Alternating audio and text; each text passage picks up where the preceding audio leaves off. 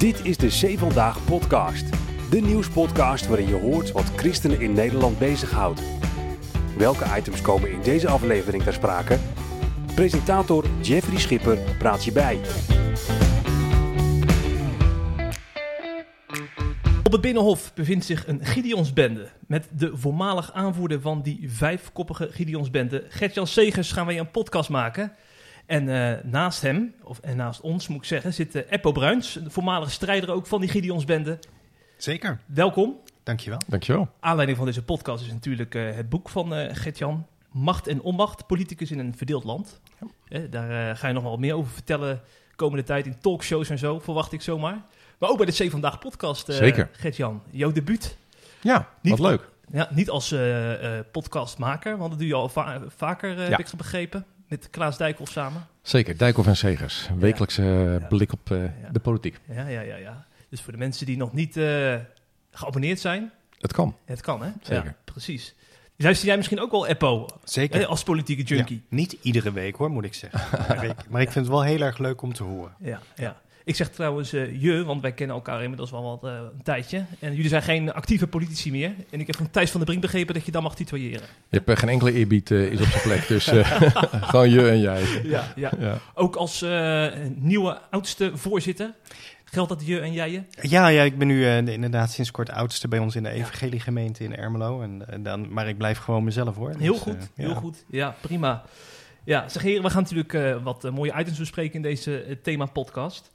Ehm, maar misschien goed, omdat mensen misschien alweer een beetje vergeten zijn, Eppo, wat je na je politieke carrière bent gaan doen. Ja. Je bent volgens mij alweer een jaar voorzitter van de Adviesraad voor Wetenschap, Technologie en Innovatie. Klopt. Hele mond vol.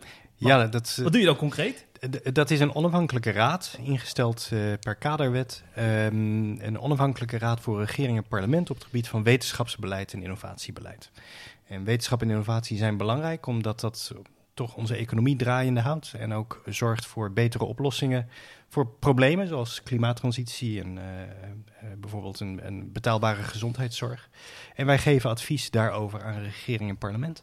Ja, dus in die zin zijn er nog steeds lijntjes met Den Haag. Zeker, ik ben nog Ja. wel regelmatig in de Tweede Kamer om eens eh, daar met wat volksvertegenwoordigers te praten. Ja. Ja, ja, ja, ja.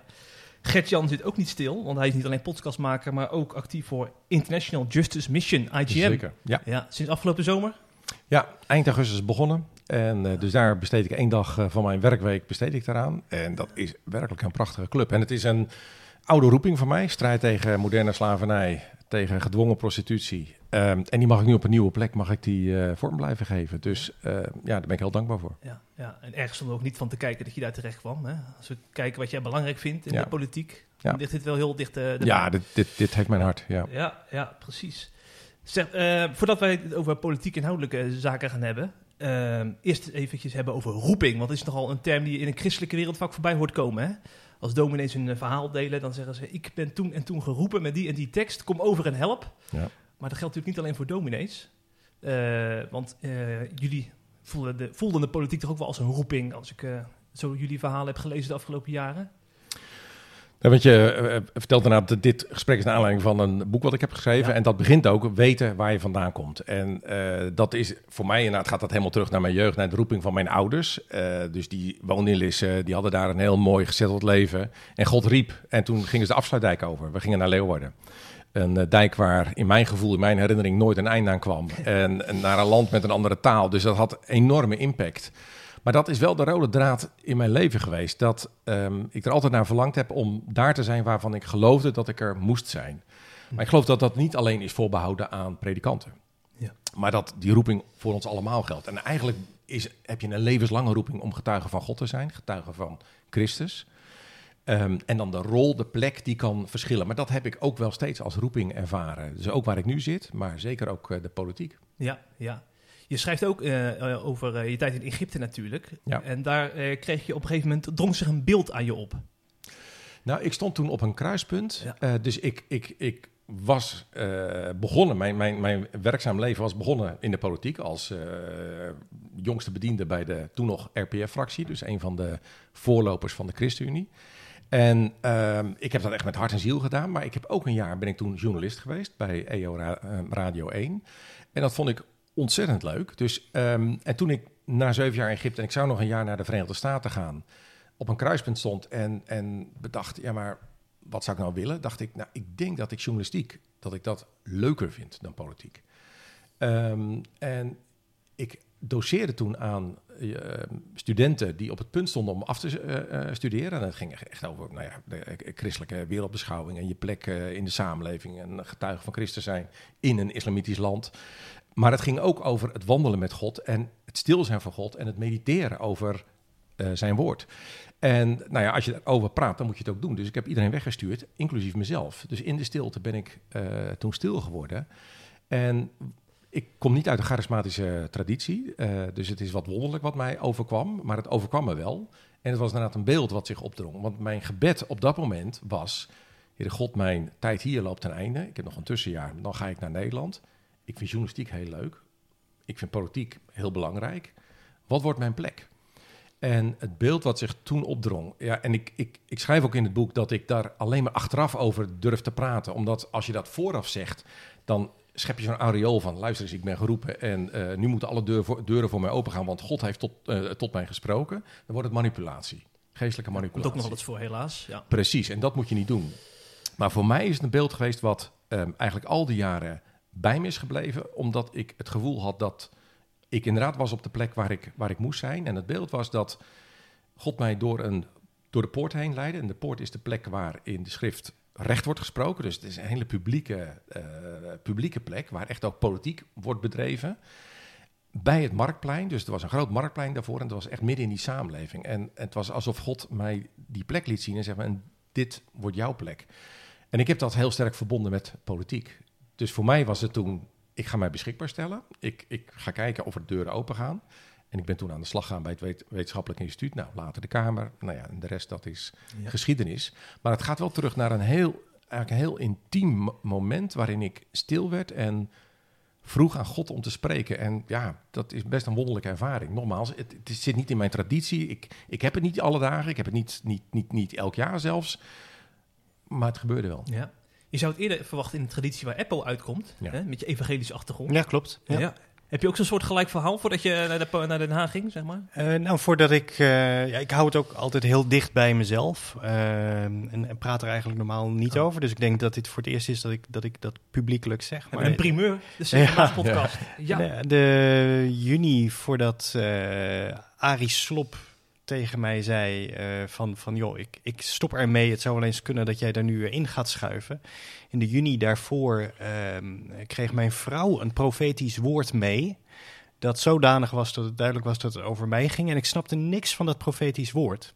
Maar op het moment dat Ari tot mij sprak, begreep ik dat het daarover ging. Ja, en dat, dat, uh, dus toen heb ik ook eigenlijk geen seconde meer hoeven nadenken en, en geweten van oké, dat is dus een ja. Terwijl de laatste keer dat ik erin kon komen, dat was afgelopen januari. Toen, uh, toen, toen heb ik nee gezegd en toen is uh, Nico Drost erin gekomen. Uh, die net onder, onder mij stond op de lijst.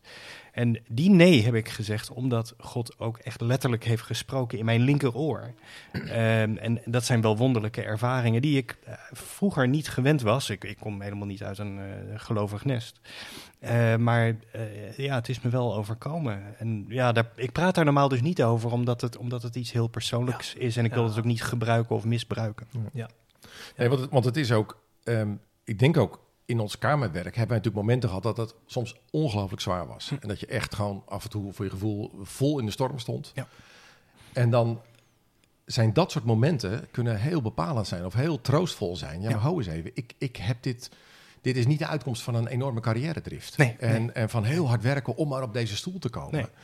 Um, maar dit is een uitroeping. En, en nogmaals, dat moet je niet manipu manipulatief inzetten van... joh, iedereen moet nu naar mij luisteren, want uh, ik ben door God hier geroepen. Nee, nee, je bent een kwetsbaar mens en een feilbaar mens... en je slaat af en toe de plank mis.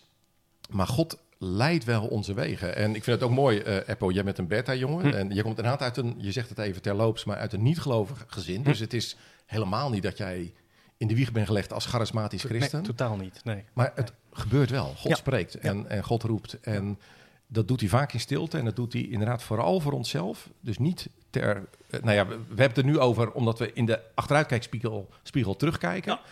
dus het kan een aanmoediging zijn voor luisteraars om op die manier ook over roeping na te denken. Van joh, zoek naar de plek waarvan jij gelooft dat God je daar wil hebben. En, en, en, en, en, en zoek naar die bevestiging die God ook nu, sprekend door woord, door geest, soms beelden, soms woorden, soms andere mensen, Ja. echt ehm, ja, soms ook heel duidelijk kan spreken. Ja. Dus zoek naar de plek waar hij je wil hebben. Een plek waar jullie niet aan de zijlijn stonden de afgelopen jaren. Want eh, de ChristenUnie zat natuurlijk in een coalitie. Nog, ja, demissionair nog steeds eigenlijk, hè, t- eh, tot eh, 22 november. Ja. En ehm, eh, ja, de, de term getuigenispolitiek is jullie niet vreemd. De ChristenUnie was natuurlijk jarenlang echt een getuigenispartij. hè. Eh, ik heb het idee, Gertjan, je moet me corrigeren als het niet zo is... maar dat je je hebt bekeerd daarvan... en dat daar een verandering heeft plaatsgevonden. Je manier van denken erover. Ja, dus daarom heb ik in het boek een beetje een aanloopje nodig eh, van waar kom ik nou vandaan. En dat is uit een eh, milieu van de gereformeerde gemeente, dus dat is de bevindelijk gereformeerde traditie. eh, waarin heel warm over God en over Christus en over zijn woord werd gesproken. Dus ik, ik, ik kijk daar niet negatief op terug. Maar het was wel een gevoel, de wereld is daar buiten en die is gevaarlijk. Pas op, dat is gevaarlijk terrein. Dus als je daar, daar, daar binnen treedt, ja, je moet eigenlijk zo snel mogelijk weer wegwezen. En weer in eigen kring die veiligheid zoeken, die beschutting. En nou, hier en daar kun je getuige zijn misschien, hier en daar kun je misschien een woordje kwijt en dan weer snel terugtrekken. Maar die wereld moet je op afstand houden. En ehm, ik heb gezien dat veel christenen heel, ja, ergens heel fundamenteel in hun DNA die houding hebben. Namelijk een antithese. Eh, wij hier aan de ene kant, streep in het zand, de wereld, de mensen, de godvijandige gebied in, eh, in, in, in deze wereld aan de andere kant. Ehm, ik ben zeer geraakt door, en daar heb ik ook veel over gesproken, door Dietrich Bonhoeffer. Die eigenlijk ook een beetje uit die traditie, of zo aanvankelijk dacht over navolging. Heel radicaal, maar die heeft dan op een gegeven moment spreekt hij over Maarten Luther, de roeping van Maarten Luther. Ik ben vernoemd naar Maarten Luther. Hij zegt, Maarten Luther is twee keer geroepen. Hij is het klooster ingeroepen. Dus dat was echt een krachtdadige roeping. Navolging van God, de beslotenheid, de stilte in, dicht bij hem. Hij zegt, en de tweede roeping was het klooster uit, de wereld in. Hij zegt, en dat was de frontale aanval op het kwaad. Dat was de frontale aanval op ja, een geestelijke strijd. In een, hè, dus deelname aan een geestelijke strijd die midden in deze wereld plaatsvindt. En ehm, ik heb voor mijzelf inderdaad die ontwikkeling meegemaakt dat, dat, dat God mij eh, inderdaad door die poort heen heeft geleid en midden op die marktplaats heeft neergezet. En zegt, joh, dit is jouw terrein. Midden, rijp, groen, gelovig, ongelovig. eh, eh, alles, alles loopt daar rond. En ik wil dat je daar mijn getuige bent. En ja, dat, dat, dat is wel mijn ontwikkeling geweest. Ja. Ja, ja, ja. Maar eigenlijk lijkt me het ook wel een beetje spannend, hè? Want eh, als je dan als ChristenUnie met partijen in zee gaat die een hele andere ideologie hebben, dan is natuurlijk al snel de gedachte van ja, maar gaat het niet ten koste van je eigen kleur? Jullie zijn eh blauwe helmen, hè? Als ChristenUnie eh, mensen. Kan die, die, die kleur blauw kan al misschien al een beetje paars worden of zo, of, eh, of rood. Nou, weet je, je, je probeert uit te leggen hoe politiek werkt. En, en dat je in Nederland altijd compromissen moet sluiten om, om ergens met elkaar te komen. Maar je merkt wel dat niet alle christenen behoefte hebben aan die uitleg. Er zijn christenen die vinden dat je in de politiek gewoon, daar moet je Gods woord spreken. En, en daar moet je verder, en, en daar moet je het bij laten. Eh, en het, het boeiende van de manier waarop de ChristenUnie de afgelopen jaren politiek heeft bedreven, is dat je eh, heel waardevol kunt zijn, juist op die plek. En dingen net even de goede kant op kunt duwen. Of eh, nog, wat nog vaker gebeurt, dat je dingen. Eh, dat je kunt voorkomen dat er dingen gebeuren. Dingen waar die, die voor de schermen en in de kranten nooit verschijnen, maar dat je dingen kunt tegenhouden. Dat is geweldig mooi werk. Maar niet iedereen heeft zin om naar je uitleg te luisteren, iedere keer weer. En als je voor de twintigste keer uitlegt, ja, maar zonder ons was het nog erger geweest Ja. dan geloven mensen je ook niet meer. Dus het probleem zit hem misschien nog wel meer in de communicatie erover Ja. dan, dan in de manier van, van politiek bedrijven zelf. Eh, in de afgelopen jaren waren er dan wat SGP-jongeren die aan het flirten waren met FVD. Hè? Met name in die tijd dat het toch allemaal nog een beetje geaccepteerd was in de maatschappij. En er was heel vaak, eh, als zij kritiek kregen, vaak de reactie van... ja, maar jullie ChristenUnie-mensen, jullie zitten met D66 samen. Dus houden jullie nou even je mond voordat wij hem... eh, Ja, maar volgens mij gaat het punt, het, het gaat dus niet om met wie praat je of met wie, met wie werk je samen. Het gaat erom, sta je voor je bijbelse uitgangspunten en probeer je dat wat er gebeurt zo, zo goed mogelijk in lijn met Gods woord te brengen. En dat lukt niet altijd en dat lukt niet volledig. Maar dat is eigenlijk niet een specifiek christelijk probleem. Ik zie bijvoorbeeld in de Partij voor de Dieren, waar de ruzie is tussen Oh ja. Esther Ouwehand en haar bestuur. Hm. Ehm, daar zie ik dat de Partij voor de Dieren, die wil nu op verschillende plekken in Nederland gaan samenwerken met andere partijen. En opeens is er ruzie binnen die partij. Want zij vragen zich nou af, zijn we als Partij voor de Dieren nou een getuigenispartij? En staan we radicaal voor de Ja. dieren? Of gaan we politiek bedrijven? Dus iedere partij met, die vanuit een bepaalde ideologie werkt, vanuit een bepaalde menshouding en, en, en, en, en maatschappijhouding, krijgt op een gegeven moment de vraag van in hoeverre ga ik compromissen sluiten? En, en hoe, in hoe ver kan ik gaan zonder me ge- mezelf geweld aan te doen? Dat is dus niet alleen maar voor christenen, maar eigenlijk Ja. voor alle politieke partijen speelt dat tot op zekere hoogte. En ik merk dus dat, dat de, de, de lichte irritatie die ik soms voel over christenen die zeggen: je kunt alleen maar goed eh, getuigenispolitiek bedrijven. En je mag je niet inlaten met macht en, en, en compromissen. Ik merk dat die irritatie dan bij mij ook opspeelt als ik inderdaad dat conflict bij Partij voor de Dieren zie. Dan denk ik: oké, jij, jij, jij gelooft dat de, de, de, de schepping dat die naar de galamiezen gaat. Je hebt een volledig voldragen plan B klaar liggen, een, een, een alternatief. En je doet niets om dat een stap dichterbij te brengen. Ja. En dat is mijn punt ook. Dat je bent voor twee dingen verantwoordelijk. Je bent verantwoordelijk voor de compromissen die je sluit. En dat is soms halfbakken. Dat is soms een klein stapje in de goede richting. Maar je bent ook verantwoordelijk, dat is tweede, voor dat wat er gebeurt als jij niks doet. Ehm, als wij niet in een verantwoordelijke positie hadden gezeten de afgelopen jaren, was artikel 23 de onderwijsvrijheid die de ruimte geeft om christelijk onderwijs te starten, in leven te houden. Die, die boel, eh, we, zitten heel dicht tegen het einde van die onderwijsvrijheid aan. En christenen hebben het niet door. Wij moeten daarvoor knokken. Ik bedoel, Eppo, jij hebt daarvoor Ja. geknokt. Ja. Dus er lag een, een, eh, toen wij aantraden, lag er een wetsvoorstel wat eh, nou, raakte, sch- schuurde, wat nou ja, in ieder geval raakte aan die onderwijsvrijheid. We hebben dat wetsvoorstel, dat is letterlijk uit de tas aan de koning, is dat eruit gevist. En dat hebben we herschreven. Dat heeft Eppo herschreven. Ja. Met onze uitgangspunten. Op de allereerste avond van de coalitieonderhandelingen ging het hierover. Dit, dit wetsvoorstel gaat nu uit de tas. En Sander Dekker En vond dat dat staat letterlijk- niet grappig. Nee. Die vond het echt niet grappig. Maar daarmee hebben we 1200 kleine christelijke scholen in stand gehouden. En eh, ja, die, die waren nu verdwenen geweest. Dus mensen zien niet wat er was gebeurd als wij niet de stap naar voren hadden gezet. Dat hadden ze pas eh, een jaar later, twee jaar later in de krant gelezen en dan hoofdschuddend rondgekeken. Jongen, jongen, wat eh, glijdt Nederland toch weer af? En als je dan zegt dat is toen daar voorkomen, omdat wij op die plek zaten, omdat wij de stap naar voren hebben gezet, omdat toen die wet uit die tas is gevist, dat is inderdaad een moeilijk verhaal. En toch, heel diep in mijn, in mijn, in mijn vezels geloof ik, dat onze plek midden in die wereld is. Ja. Er is altijd een gevaar, want jij zei net ook, eh, je hebt dan een blauwe helm op, maar wordt dat niet een paarse helm? Er is altijd een gevaar dat je de kleur van je omgeving aanneemt. Dus je moet heel dicht bij God blijven en heel dicht bij mensen blijven. Dus voor mij was de samenvatting van het christelijk leven met God midden in de wereld. En die twee moet je heel dicht bij elkaar houden. Je hebt inderdaad blauw en paars, maar je hebt ook eh, oranje. Ja. En dan denk ik natuurlijk aan de SGP. Ja. Die, eh, als je het dan hebt over verantwoordelijkheid nemen. Ze hebben natuurlijk niet eh, geregeerd de afgelopen jaren. Maar ze hebben wel bij Rutte op de achterbank gezeten. Ze, hebben, ze waren toch onderdeel van die constructie- constructieve drie. Drie, zeker, ja. Eh, dus ik denk dan, er is toch wel een middenweg dan blijkbaar. En als je het hebt over irritatie voor Partij voor de Dieren. De SGP kan die middenweg blijkbaar ook weten te vinden. Nou, want ik kom, ik kom uit die kringen, dus Ja. ik, ik, ik ken de SGP van binnenuit. En ik had eh, al die jaren heb ik een hele goede eh, verhouding gehad met, eh, met Kees van der Staaij. En overigens ook met zijn opvolger, met Christoffer. Dat zijn echt broeders. Dat zijn aangename collega's. Ehm, en toch waren er beslissende momenten waarop ehm, ehm, ik merkte dat de feedback vanuit christenen van... nou, eh, wat geweldig dat de SGP dan het onversneden geluid ehm, eh, vertelt... en jongen, jongen, eh, de ChristenUnie sluit een compromis...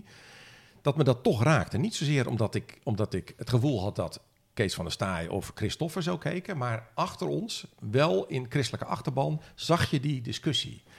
Ehm, en, en wat ik mooi vond in de Kamer was namelijk, wij begrepen elkaars positie. Dus ik vond het ook wel mooi en fijn als de SGP inderdaad ronduit en duidelijk kon zeggen: joh, dit zegt de Bijbel, of dit is een Bijbelspreken, of zo spreekt God over het leven, of eh noem eens wat over Israël. Allemaal dingen die ons na aan het hart liggen. En tegelijkertijd weet ik ook hoe cruciaal het is om daar te zijn, daar waar belangrijke beslissingen vallen. En als je dan als christen de kans hebt, de mogelijkheid hebt om als kleine partij, nou ja, je begon over de Gideonsbende, dus laten we nog maar eens een keer erin gooien. Inderdaad, die kleine Gideonsbende. Als je dan het verschil kunt maken voor onderwijsvrijheid, voor het leven, voor Israël, voor rechtvaardigheid, voor zorg voor de schepping. En je zou het niet doen. Ik vind dat totaal onverantwoord. Dus, dus mijn, mijn, mijn moeite zat niet zozeer met de SGP. Ik snap die positie en zij snappen onze positie. Maar laten als christenen ons niet tegen elkaar uitspelen en zeggen dat de een beter is dan de ander. We hebben allebei nodig. En wij pro- proberen dat als christenen nu ook wel degelijk in onszelf te verenigen. Namelijk, ik heb, ik heb nooit compromis gesloten over onze uitgangspunten. Over mijn geloofsovertuiging. Jezus is de weg, de waarheid en het leven. Er is één God en hij spreekt door de Bijbel. Eh, en daarin zegt hij wat rechtvaardig is en wat goed is. Dat is volstrekt helder. Maar vervolgens, met die overtuiging, ga je de wereld in en moet je doen wat je kunt. Maar heb je niet wel ook momenten gehad waarbij je dacht van, dit is wel heel ingewikkeld, want het kabinet spreekt met één mond. Vreselijk. Ja, ja. Vreselijk. Eén mond spreekt het kabinet, dat is dat Vreselijk. is maar eentje, hè? Weet je, ik heb, ik heb, ik heb eh, ehm, waar ik echt wakker van heb gelegen, dat is bijvoorbeeld, en het is een klein detail, en, en ik vind dat veel te weinig christenen erover spreken, maar toch, de NIP-test.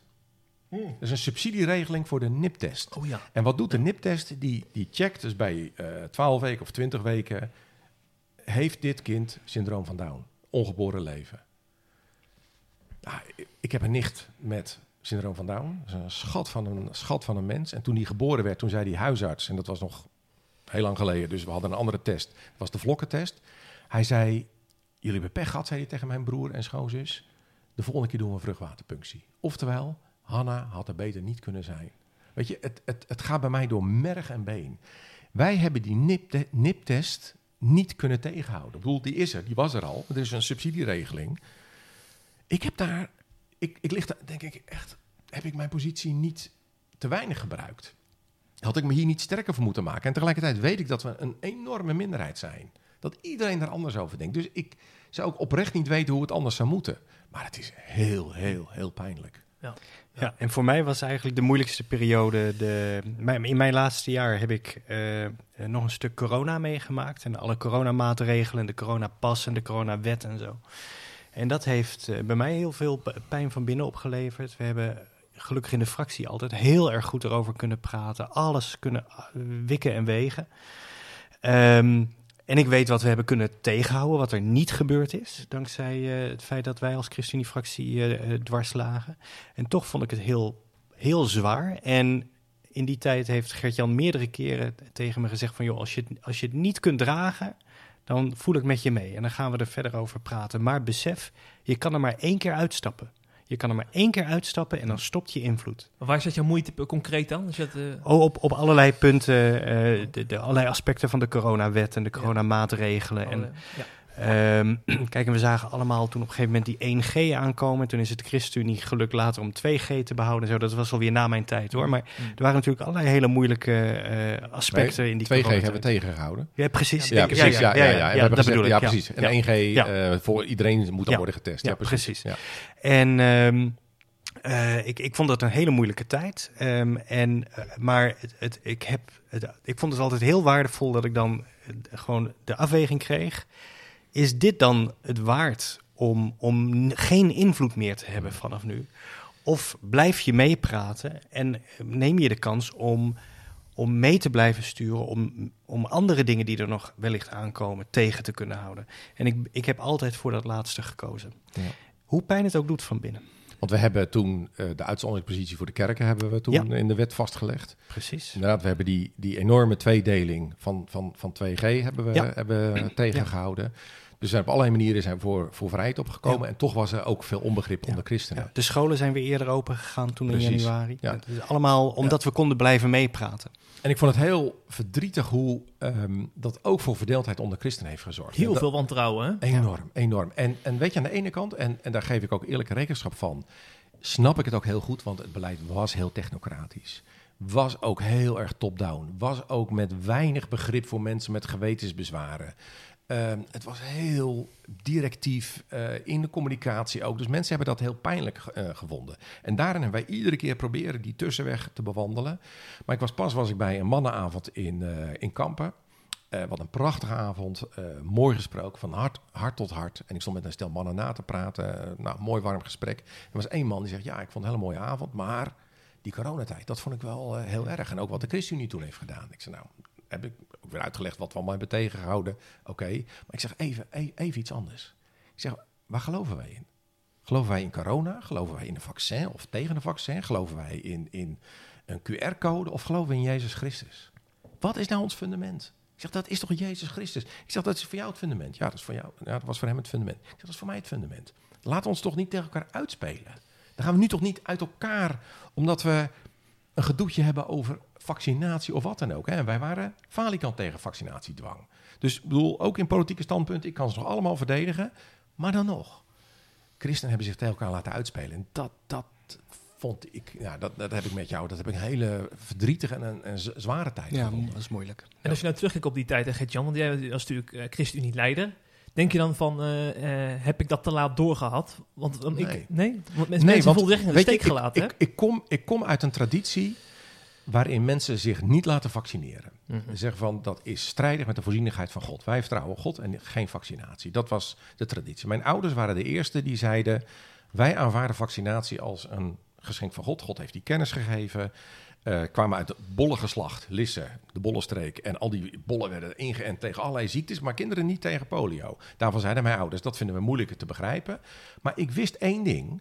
Mijn ouders kwamen tot die keuze omdat ze alle vrijheid hadden om zich te laten informeren, om te bidden, om na te denken, waar is God in deze? En ze wisten, er zijn broeders en zusters in onze gemeente die een andere keuze maken. En weet je wat? Dit is onze keuze, dat is jullie keuze. We hebben allemaal de vrijheid om die keuze te maken, onder een open hemel. En toen al heel snel in die coronacrisis werd gezegd, nou, als we straks een vaccin hebben, dan is alles voorbij. Ik denk, oh lieve help. Er komt een waanzinnige druk op werkgevers, op bij winkels. Om, ja, als jij niet gevaccineerd bent, dan word jij buitengesloten. Dus ik heb als een van de eerste gezegd, jongens, geen vaccinatiedwang. Laten we naar een ethisch kader gaan. We hebben toen om een ethisch kader gevraagd. Hoe gaan wij daarmee om met die spanningsveld? Ehm, in het begin stemden ook VVD en D66 tegen vaccinatiedwang. Maar je zag het bij de liberale partijen als eerste omgaan. Ja, bizar, ja. Echt bizar. Dus, dus partijen die zeggen voor vrijheid te staan, die gingen voorop in eigenlijk onvrijheid. Maar wij hebben consequent die lijn vastgehouden. Maar ook gezegd, er zijn wel momenten dat je moet laten testen. Nou, nu gaan we allemaal weer over Ja. vaccinatie en, en corona hebben. Ik vond het moeilijk omdat christenen zich tegen elkaar uit lieten spelen. En mijn hartgrondige oproep is, ook naar de luisteraars hiervan. Misschien heb je nog gemengde gevoelens over mij persoonlijk, dat zou kunnen. Laat het nooit een scheiding zijn. Wij zijn broers en zussen in Christus Jezus. Hij is onze identiteit, hij is alles. Laten we alsjeblieft elkaar heel goed vasthouden Ja. rond het kruis en rond het hart van het evangelie. Ja, ja. Zeg, je- jij, in je boek schrijf je ook over een succesvolle christelijke zakenman die jou bezocht. Is, heeft het ook, was het ook in die coronatijd? Zeker. Oh, ga, ik ga er even uit citeren, want ik vond het wel een opmerkelijke passage, moet ik zeggen. Ehm, moet ik even scrollen. Eh, hij zat dus tegenover jou, ik denk op je kamer. Ja, zeker. En eh, toen eh, dan schrijf jij... In het gebed dat volgde vroeg hij God om mij te vergeven en mij terug bij hem te brengen. Na zijn amen zei ik rustig, maar beslist dat hij alle vrijheid had om met mij van mening te verschillen, maar geen enkel recht had te oordelen over mijn relatie met mijn hemelse vader. Hij moest dat oordeel terugnemen of anders kon hij gaan. Ja, want daarvoor bad hij dus best wel manipulatief, eh, Heel erg, ik. heel ja, erg. Ja, wat bad hij precies dan? Ehm, en, ehm, dus hij bad om, om, om vergeving. Dus hij, hij, hij zei hardop, in taal die ik kon horen, tegen God, dat ik fout zat. Ja, als je daar het gebed voor eh, gebruikt, dan ben ik klaar. En waarom eh, ben ik daar gevoelig voor? Weer een keer, dus ik, ik, ik, ik had hier aanloop in dat boek nodig om te vertellen ook hoe ben ik, hoe ben ik gebakken. Ja, dat is een, een kerkelijke traditie waarin ook er constant geloof gewogen wordt. Ben je eigenlijk wel een echt kind van God? En heb je dit kenmerk wel? En als je echt christen zijn, dan zou je eigenlijk dit en dit moeten doen, of dit en dit moeten ervaren, of zo en zo moeten gedragen. We, je start en je eindigt altijd met wij zijn, onze identiteit is in Christus. Daartussen hebben wij meningsverschillen. Hebben wij, kun je het over de doop hebben, je kunt het over Israël hebben, je kunt het over weet ik veel wat hebben. Ik bedoel, wij hadden het net over beelden en over nou, hoe God ook door de geest kan spreken. Er zijn mensen die er totaal anders over denken. Dat is niet scheidingmakend. Dat is niet het einde van onze band in Christus. Nee, dus Sterker- eigenlijk, we kunnen het als christenen oneens zijn over van alles. Maar zodra we gaan twijfelen aan elkaars intenties, Ja. Aan elkaars hartsgesteldheid, Exact. aan elkaars geloof, dan ehm, dan drijf je zo ver uit elkaar. En ik denk dat dat toch niet de bedoeling van de kerk van Christus kan zijn. Daar wil je toch elkaar blijven zoeken en blijven begrijpen. En dan mag je het inhoudelijk hartstikke met elkaar one- oneens zijn. Maar laten we toch alsjeblieft niet twijfelen over elkaars ja, warme hart voor het evangelie. Ja, sterker, je, je matigt je een oordeel aan wat, wat God toekomt. Dus, dus laat dat ook ons persoonlijk gebed zijn. Ben ik op een verkeerde weg? Leid me op de eeuwige weg. Want ik bedoel, ik, ik ben een feilbaar mens. Dus ik kan er helemaal naast zitten. Ehm, maar dat is God die mij dat duidelijk moet maken. Of mijn medemensen zeggen, joh, deze keuze is niet goed. Of heb je hier wel goed over nagedacht? Of, en dan kan ik ook nog zeggen, oei, inderdaad, ik had een andere keuze moeten maken. Maar niet over inderdaad je geestelijke integriteit. Dat oordeel komt mensen niet toe. Nog één ding voordat we dat coronablokje gaan afsluiten, want ik ben eh, corona wel een beetje zat eerlijk Nou. gezegd. Maar, maar toch, heb je, eh, er zijn natuurlijk stromingen waarin men best wel bezig is met eindtijd, met eh, wie is de antichrist zometeen en al onze vrijheden gaan op een gegeven moment weg. En mensen waren echt, dachten echt van dit gaat nu gebeuren, weet je wel. Al die vrijheden Ja. worden ons afgenomen. En, zonder goed te praten wat ze allemaal over jou hebben gezegd, want het waren wel vreselijke termen op voormalig Twitter, nu X. Maar eh, eh, dan begrijp je wel, hè, als je dan die maatregelen ziet, waar die, wa- waar die angst en dat wantrouwen vandaan komt. Ik vind, eh, want, want Ja. wij hebben inderdaad hele uitvoerige discussie gehad over die coronawet, waar jij, Eppo, het ook heel, moeite, Hmm. heel, veel- heel, veel- heel veel moeite mee had en waar Joel uiteindelijk tegen heeft gestemd. Ik snap dat heel goed. Als je veel macht concentreert Ja. in handen van enkelen, die bepalen of jij om negen uur binnen moet zijn of niet, of jij met twee, drie, vier mensen ergens mag ophouden, dat is heel beklemmend. Heel beklemmend. Ehm, alleen, ik heb ook gezegd, als mensen vervolgens met openbaringen 13 of, of, of eindtijd, ik zeg jongens, pas op dat je de allergrootste woorden, die moet je reserveren voor de, de, de meest beklemmende momenten, de meest cruciale momenten. En ik weet niet of dit het meest cruciale moment is. Of je dit nu, op dit moment, zo moet zeggen. Dat betwijfel ik zeer. Hm.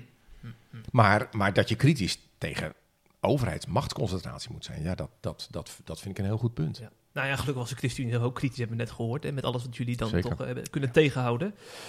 Ehm, ja, maar voor zover eh, corona, want eh, volgens mij zijn we allemaal blij dat we gewoon weer lekker naar een Ach. restaurantje kunnen en zonder testen. Ja, en je hoort nou niemand meer over eindtijd en corona. Nee, opeens is dat weg, ja. Nee, maar dat is dus, Ja. dat, dat, dat was mijn moeite dus. Ja. Want, want ik herinnerde Ja. mij van mijn jeugd dat over de streepjescode of over Ja. de sterren op de Oh, vlag ja. van Europa. De er werden- EEG. Ja, er en, werden eh, allemaal beelden en, en, en ook Ja. teksten uit openbaringen aangehaald. En ik, jongens, pas nou op, want nu kijk je terug en denk je, nou, Ja. boel, ik, ik weet het zo niet.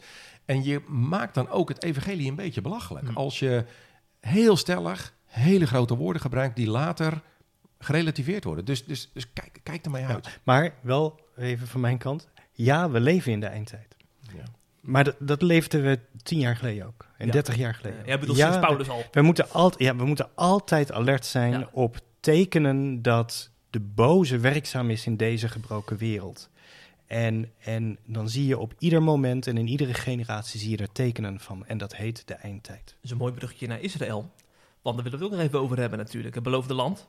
Eh, dat is een van de drie hete hangijzers, heb ik het maar genoemd, die eh, in onze achterban eh, best wel een rol spelen. En als ik het heb over islam, Israël en christenvervolging, heeft ook erg Ja. wel met elkaar raakvlakken, die Zeker. drie items.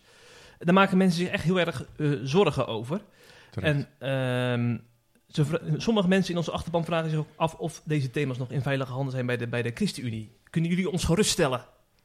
Weet je, dit heeft een, een geestelijke achtergrond. Ehm, antisemitisme kan ik niet, het is gewoon eigenlijk niet rationeel te begrijpen waarom er antisemitisme is. Het is ook niet goed te begrijpen waarom er zo'n obsessie met Israël is en wat Israël dan verkeerd zou doen. Dus het aantal veroordelingen voor Israël is buiten elke proportie als je kijkt naar Darfur, waar Vanuit de VN heb ik nu over. Vanuit de VN, Ja, van ja. internationale gemeenschap, maar ook, ook, ook in Nederland. Heel Ja. veel mensen die iedere keer beginnen over hoe vreselijk Israël dan is. Kijk naar wat China nu doet met de Oeigoeren. Kijk naar eh, wat er in Darfur is gebeurd met 300.000 moslims die daardoor anderen zijn vermoord. Je hoort daar niemand over. Dus het is buiten proportie. Antisemitisme is irrationeel. Ik kan het niet anders begrijpen dan dat het haat is tegen een volk met een geheim. En wat is het geheim? Is dat het een volk is waar God al eeuwenlang vanaf het begin mee optrekt en gezegd, Ja. en dit is mijn volk. En toch Ten even een vraag is dat, is, dat, is dat haat tegen Ja. God zelf.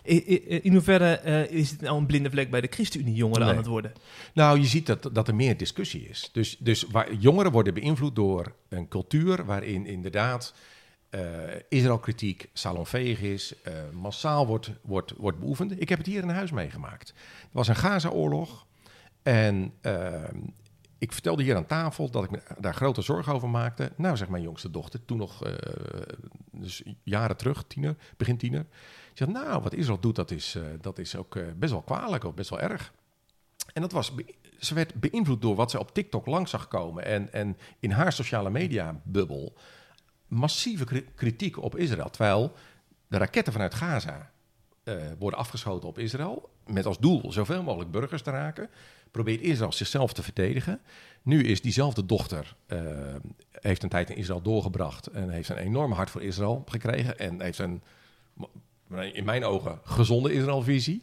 En ik sprak haar daar pas op aan. Ik zei, joh, hoe kijk je daar nou op terug? Te zeggen, ja, ik ben beïnvloed door mijn cultuur. Maar ik zie wat God met zijn volk doet. Ik zie hoe hij trouw is aan zijn volk. En ik zie hoe buitensporig de kritiek op is. En dat wij geroepen zijn om naast Israël te staan en een vriend van Israël te staan. En het bestaansrecht van Israël te verdedigen. Ja, dat is mooi. Maar het is wel goed om dit ook even uit de religieuze hoek te halen. Ook als je niet gelovig bent, niet christen bent, dan is het nog steeds belangrijk dat jouw kennis over Israël en wat daar gebeurt in orde is. Want het is een, een oorlog van narratieven. Het is een oorlog van hoe je vertelt over wat daar gebeurt in die omgeving. En als je weet wat daar gebeurt, dan weet je ook dat bijna alles wat we hier zien in de, in de eh, media en op de sociale media, dat dat gewoon niet klopt. Dat, dat het op zijn minst eenzijdig is. En als je, als je de werkelijkheid goed kent en je gaat daar naartoe en je gaat kijken wat daar gebeurt. En je kijkt welke ook mooie dingen gebeuren, initiatieven als het gaat om, om verzoening en verbinding tussen, tussen moslims en joden eh, op kleine schaal, dan, dan ga je anders kijken naar dat conflict. En ik denk dat eh, de, de ChristenUnie jongeren, maar alle jongeren en de huidige generatie, deze generatie, krijgt ook gewoon een hoop verkeerde informatie naar zich toe via allerlei media en sociale media.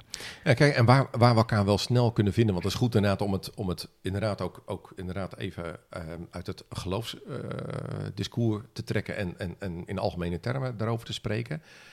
Er is altijd antisemitisme, Ja. door de hele geschiedenis heen, wereldwijd. Soms sluimert het, maar altijd steekt het weer de kop op.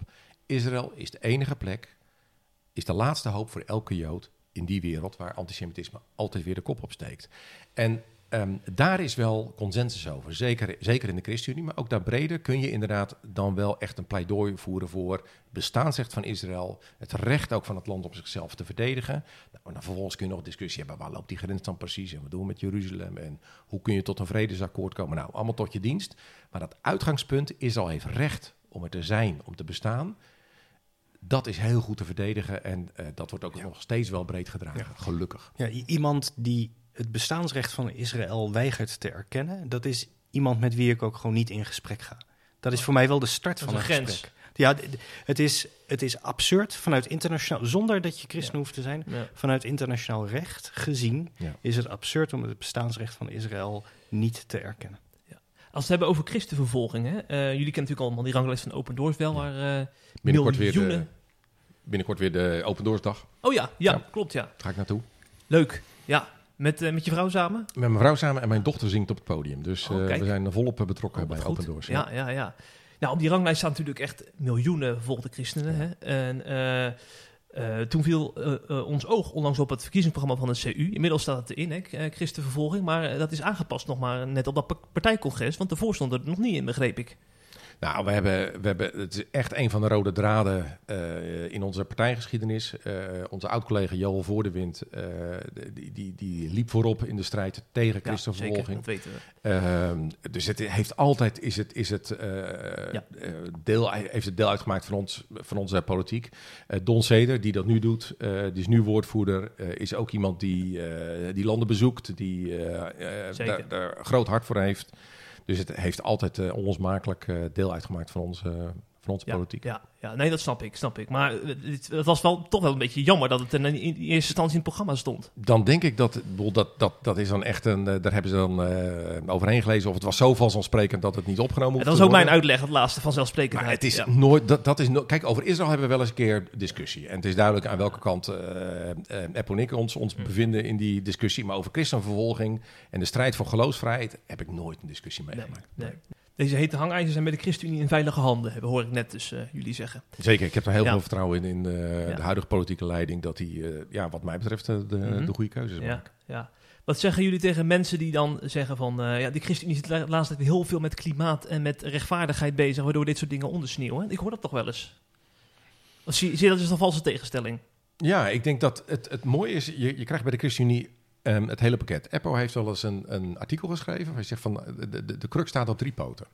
En dat is eh, eh, recht doen. Dus dat is een, het is een sociale partij. Dus recht doen aan kwetsbare mensen. En dat we zorgen voor rechtvaardige verdeling van de rijkdom. Mensen die niet rond kunnen komen. Het is onrechtvaardig als mensen ehm, eh, die bestaanszekerheid niet hebben. Dus dat is al heel lang is dat een hele belangrijke poot. De, de, de, de, de tweede poot is zorg voor de schepping. God heeft ons zijn schepping toevertrouwd. Hij zegt, zorg daarvoor, bouw en bewaar.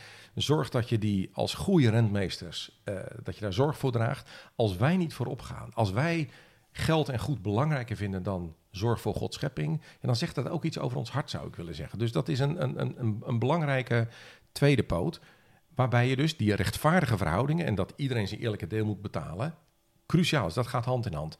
En de derde is dat wij ehm, ethische waarden hebben, dat wij, nou ja, noem het conservatieve waarden heeft als het gaat om huwelijk, als het gaat om gemeenschap, als het gaat om onderwijsvrijheid. En het mooie is, er is eigenlijk geen partij die dat, dat totaalpakket heeft, die die, die, die die drie poten op die manier heeft. Ehm, ja, dat maakt dat, dat in die combinatie dat ik me ontzettend thuis voel bij de ChristenUnie. Ja, en ik moet zeggen, ik hoor eigenlijk ook wel eens omgekeerde geluiden dat mensen vinden dat we de laatste jaren niet groen genoeg zijn. Meen je dat nou? Ja, zeker. Ja, ja, ja, Ja, ja, misschien ja. niet jouw lezers, Ja. maar, Dat is, het, dat is het waarschijnlijk. maar Ja, de- ik, ik hoor dat ook wel eens. Ook ja. niet mijn directe achterban hoor, maar, maar eh, ik hoor dat, dat, dat we te, te, daar, daar toch te genuanceerd in staan en niet radicaal genoeg groen zijn. Dus ik denk dat we dan ergens zitten we wel eh, goed, eh, Ja.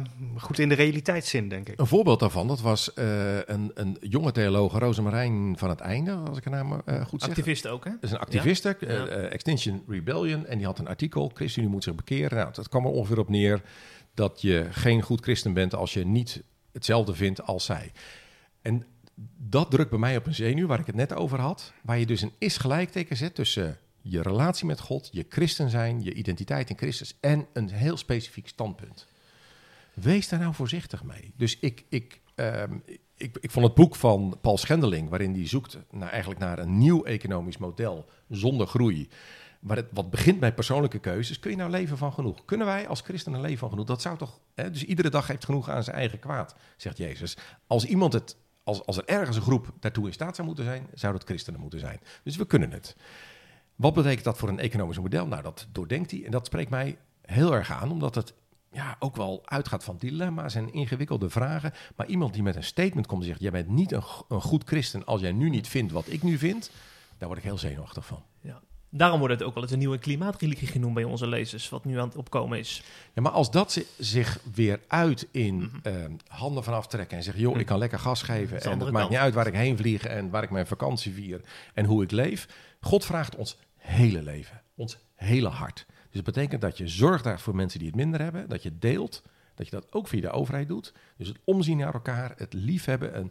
En, God is, is als, je, als je ook de psalmen ziet, hoe God bezongen wordt als een rechtvaardig God, dan, dan, dan is dat die ene poot inderdaad. God is ook degene die heeft gezegd, dit is een goed leven en mijn instellingen zijn goed. Dus, dus nou ja, we hebben nu in die, die hele woke-discussie, hebben we natuurlijk ook een discussie over gender en over van, wat zegt God over het huwelijk. Nou, daar, daarin spreekt God ook over dat wat goed is. Namelijk het huwelijk is voor man en vrouw. En, en, en hij heeft het mannelijk en vrouwelijk heeft hij geschapen. Ook dat is inderdaad onderdeel van, ons, van onze overtuiging. Maar ook die zorg voor de schepping. God, dit is, deze wereld is van God. Hij heeft deze wereld gemaakt. Het kan toch niet zijn dat wij die verpesten? Het is maar toch de- onbestaanbaar. Maar de klimaatbeweging heeft inderdaad hier en daar religieuze trekken. Inderdaad, als je die mensen tegenkomt die zeggen: Als jij niet vindt wat ik vind, dan zit jij fout. maar ook eh, klimaatactivisten die beweren dat er over twaalf jaar geen mensen meer op deze aarde leven, dat we allemaal dood zijn. Dus van die apocalyptische beelden, Ja. eh, dat, is, dat is hun eigen eindtijd. En ik denk dat de klimaatbeweging het zichzelf. waar, nee, het is gewoon niet waar. Het, het, de klimaatbeweging doet zichzelf tekort als ze met dat soort apocalyptische eindtijdbeelden komen. En tegelijkertijd, als ik dan met mensen praat die dat, die dat doen, die zeggen van ja, maar we moeten daar hard in, Mm. want anders schudden we de mensen niet wakker. Daar heb ik ook wel weer begrip Een soort voor. profetisch spreken. Een soort profetisch spreken. Ik, ik hou daar zelf ook van om profetisch te spreken en een scherp oog te hebben voor wat er gebeurt in onze cultuur, in onze maatschappij.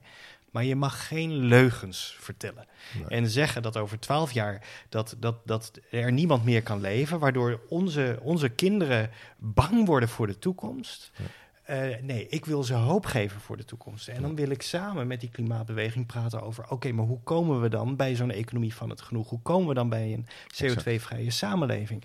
En daarover praten en daar met goede maatregelen en goede ideeën komen, daar zouden we elkaar moeten kunnen vinden. Als we nou kijken naar de toekomst, hè, ehm, eh, maak je dan wel eens zorgen? Want de kerken die lopen steeds meer leeg, met name de traditionele kerken. En eh, eh, daar zit toch ook wel de achterban van de christelijke partijen. Ja. Dan denk ik van, eh, moeten we in de toekomst niet streven naar een één grote christelijke partij met veel meer zetels dan die, eh, die vijf of zes die de ChristenUnie dadelijk in de wacht gaan slepen? Nou, ik maak mij niet zorgen over de toekomst van de kerk, omdat dan de christelijke politiek in gevaar zou komen. Ehm, allereerst hoop ik dat er iedere keer een generatie opstaat die met God wil leven en die Jezus wil navolgen. Ehm, af en toe heb ik inderdaad een somber moment. Denk ik, oei, eh, als ik zie inderdaad hoe de vergrijzing van delen van de kerk plaatsvindt, zeker in de periferie van Nederland, denk ik, oei, oei, oei, eh, wat, wat is die toekomst? En dat was ik ook wel eens toen ik nou, hier, we zitten hier aan, mijn, aan onze eettafel. Als ik hier bij deze eettafel rondkeek en naar mijn dochters, die toen nog tiener waren, keek, dacht ik, oh, nemen zij, willen zij ook Jezus navolgen? Willen zij, raakt dat evangelie wat mij zo diep heeft geraakt, raakt dat hen ook? En er zijn momenten geweest dat mijn oudste dochter het heel moeilijk vond om in, om in God te geloven. Dat, dat ze heel ver bij God vandaan was. En als ik nu zie hoe God in hun leven is gaan spreken, is gaan werken, ondanks mij, want ik was af en toe een drammer en een, en een, en een soort prediker. klimaatdrammer, maar een, Een, een geloofsdrammer was ik. En dat ik zei, lees dit boekje nou, en ga mee naar de kerk en doe nou dit en, en denk hier eens over na. En, en ik moest eigenlijk eens een keer mijn grote mond houden en God is aan het werk gegaan. Ik heb gezien hoe hij in hun leven aan het werk is gegaan. En dat heeft mij ongelooflijk veel hoop gegeven. Als God in het leven van mijn dochters kan spreken op een manier die hun leven radicaal verandert. Dus, dus bij alle drie is dat gebeurd.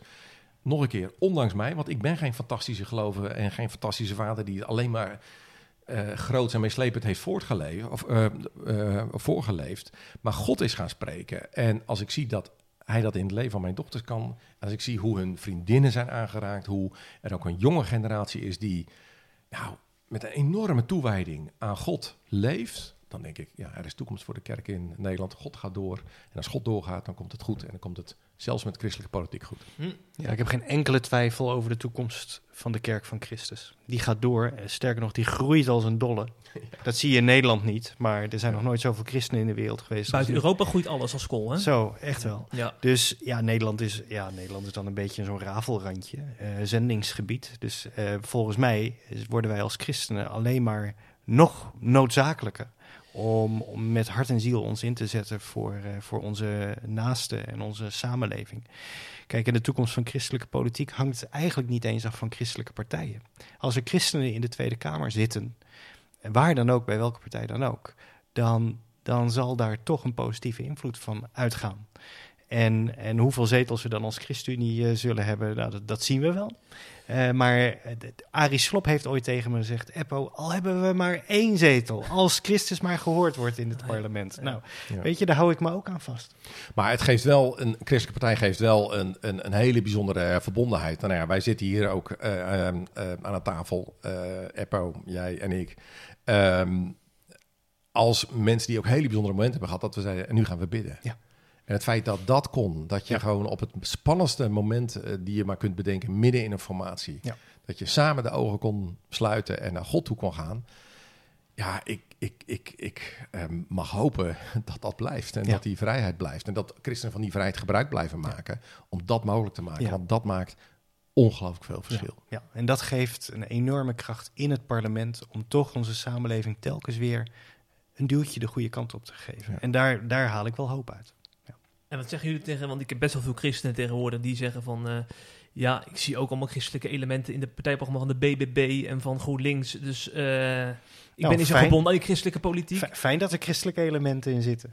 Maar dat zie je alleen maar als, eh, als optimistisch en hoopvol. Ja, weet je, ik ben blij dat er weer wat partijen in, in, de, in het midden van het spectrum komen. Hm. Weet je, de, de kiezers waren naar de flanken aan het bewegen. Naar heel erg links of naar heel erg... ja, rechts wil ik het niet eens noemen. maar- Populistisch. Populistisch, ja. Ehm, maar de, er is in het midden van, eh, dit, van het politieke spectrum is weer wat gaande. En mensen hebben behoefte aan, aan normale, rustige politiek en redelijkheid en gewoon verstandige ideeën. En dan is het logisch dat er ook christelijke elementen in zitten, want dat is hele verstandige politiek. Nou, ik zie ook allemaal positieve opmerkingen over Henry Bontebal. Ik denk van... Dat is toch ook een leuke gozer? Is CDA nog steeds niet dood en begraven. Ja. Ja. dat dacht ik een tijdje geleden nog wel eigenlijk. Weet je, het is, het is met, met ehm, geloof, ik geloof dat Kees van Zijgen dat beeld heeft, gebruikt. eh, eh, heeft gebruikt. Je kunt ehm, een bos bloemen neerzetten. Nou, ik heb er ook een bos, bos bloemen staan en dat staat een tijdje staat dat goed. Maar die zijn losgesneden van die wortel. En nou, waarschijnlijk nu geuren ze en mooie kleur en prachtig. Maar over een week is dit verdord. Eh, je kunt alleen maar blijven groeien. Je kunt alleen maar eh, eh, die bloemen blijven als je verbonden bent met een wortel. Als je de, de, verbonden bent met uiteindelijk de rank, om even de, de Bijbelse beeldspraak te gebruiken. Dus als je je sappen uiteindelijk uit die wortel haalt. En die wortel is, als die verbonden is met het evangelie, dan blijft het vitaal, dan blijft het levend. Dus ja, in onze cultuur zijn er nog heel veel na-effecten van het christendom, van het christelijk geloof. Ook de vrijheid van onderwijs bijvoorbeeld. Maar de kerk staat vaak in het midden, eh, in dorpen. Ehm, eh, we hebben een rechtvaardigheidsgevoel wat ontegenzeggelijk verbonden is met die christelijke traditie. Dus er is heel veel wat ons herinnert aan het christelijk verleden. Maar je kunt alleen maar christen zijn als je in Christus bent. En, ehm, en, en, ja, en dat blijft uiteindelijk het geheim van christelijk leven. Dus we, we zullen toch echt ook mensen nodig hebben die de knieën kunnen buigen, die de handen kunnen vouwen, die de Bijbel open doen en zeggen maar, Heere God, wilt u spreken en wilt u het voor het zeggen hebben in mijn leven, ook bij mijn politieke keuzes. Ja, ja, ja. En nu tijd voor een nieuwe generatie, hè, Gert-Jan? Lees ik overal. Zeker. Mirjam Bikker, Christoffer, Henry Bontebal. Ja, ik heb daar heel veel vertrouwen in. Ja, en, en, en nou, we hebben zaterdag een eh, congres gehad van, eh, of ja, dat is, eh, als we dit luisteren alweer eh iets langer geleden, maar waarin Mirjam Bikker het lijsttrekkerschap heeft aanvaard. Ik vind het een kanje. Het is echt, het is een, een, een, een mens uit één stuk die zich dienstbaar opstelt. Ehm, ja, ik heb er heel veel eh, vertrouwen in. Het wordt nog beter na Gert-Jan C. En na, en na Eppo. Ja, Ja. Het, is, het, is, ja, het zal niet makkelijk zijn na ons, maar, eh, ik, denk, ik, denk, maar ik denk dat het gaat lukken. ja hoor, zeker, zeker. ja, ja. Ja. Nou, eh, ik wens eh, alle ChristenUnie, dames en heren, veel succes toe in de verkiezingstijd. En we- ik, het is voor jullie wel een beetje wennen zo op afstand. Is dit nou, nee, het is niet wennen? Heerlijk. Ja, Oh, oké. Is heel, goed. ja hoor, ik, eh, het- is goed zo. Ja, Ja. jullie gaan niet flyeren stiekem even eh, hier in het centrum of zo. Als, er ergens, als de lokale kiesvereniging een beroep op meedoet, dan ga ik mee helpen flyer. Oké, Ja. oké. Ja, vind ik ook leuk. Ja. Ja, ja, maar dan alleen, alleen omdat je het leuk vindt. Niet omdat het, eh, niet omdat je de ChristenUnie... eh, Ja, maar ik Je vind, het, ik vind het ook nog altijd heel erg leuk om in zaaltjes gewoon te vertellen over Oh, wat ja. de ChristenUnie doet en wil en zo. Oh, ja. dat, dat vind ik ontzettend Ja. leuk om te doen. Dus Ja. ja, ja hoor, nodig me maar uit eh, in de campagnetijd. ja. Als, ze maar ik denk niet dat ze me nog zoeken, joh. dat, eh, die tijd is Nou, de kiesvereniging van Emma is nu eh, gewaarschuwd. Ja, dat Je is kunt een beroep doen op uh, Ja hoor, en dan kom ik. Heel mooi. En die term Gideonsbende die blijft helemaal aan de ChristenUnie verbonden. Want er zijn al eens partijen die, eh, die ook met die eh, term flirten, hè? CDA doet er ook een beroep op je, het, het komt uit de Bijbel, dus eh, daar hebben wij niet het eh, alleen recht op. Dus als eh, mensen zich zo willen vernoemen, dan moeten ze dat doen. Nee, wij hebben dat ooit inderdaad, omdat we ja, een, een klein clubje waren. Maar dat gekke kleine clubje was wel, is al heel lang wel bepalend voor het verschil tussen meer en minderheid. En, en heeft op allerlei manieren bijgestuurd. Dus ja, ik vond het wel een hele treffende term. En eh, ik denk dat ze nog even een Gideonsbende blijven. Ja. Ja. Ja. En, en aan een Gideonsbende hangen dan ook de wonderlijke dingen die je meemaakt. Hè? Het is niet alleen maar een klein clubje, maar er gebeuren dan hele bijzondere dingen om je heen. En dat hebben we allebei wel heel erg ervaren in die jaren. Ja, ja, en wie meer bijzondere dingen wil lezen, die kan natuurlijk het boek van Gert-Jan Segers aanschaffen. Hè? Ehm, Macht en Onmacht. Zo heet het. Ja. Ja. Ja, ik moet eens eventjes zoeken. Maar, ja, Macht en Onmacht, zo heet die. Ja. En eh, die gaan we ook nog eh, eh, op de tv voorbij zien komen de komende dagen. Dus eh, Her en der eh, wat interviews, We wat van gesprekken. Nee, nog even een kleine oprisping. maar daarna beloof ik, daarna zal ik rustig aan doen. Ja, ja, ja, heel goed. En ga nog even naar Egypte nog met, met Rianne. Even, even oude mensen weer ontmoeten. Ja, ik denk dat we een keer als gezin gaan, maar dan moet je wel weer vliegen. Dat is weer zo'n dat is Oh, eh, dat is weer zo'n dilemma. Ja, dat is voor jou geen probleem, maar Ja. ik probeer echt eh, ja, dat, daarin toch wel een beetje anders te leven. Maar als je, als je nou ja, ik, ik, ik trek met Compassion op, ik trek met inderdaad, I, eh, op. En voor mij, ja, daarvoor moet ik af en toe vliegen. En ook voor Egypte. Maar ik denk dat er wel van gaat komen. En dan gaan we terug naar onze broers en zussen in dat mooie land, waar God ook al heel lang heel trouw is aan zijn kerk. Ja, ja, heel mooi. Heren, bedankt voor jullie bijdrage aan deze podcast. Dankjewel. En eh, we blijven jullie volgen op X. En hopelijk ook op, eh, op, op Twitter. Je blijft gewoon Twitter noemen. Ah, ja, Ah, ik is toch niks. X is niks. X is niks. X is niks. Heren, bedankt. Graag gedaan. En eh, fijne dag nog. Hopelijk heb je genoten van deze C Vandaag podcast. Volgende week is er weer een nieuwe aflevering. En blijf via cvandaag.nl op de hoogte van het laatste nieuws uit Christelijk Nederland.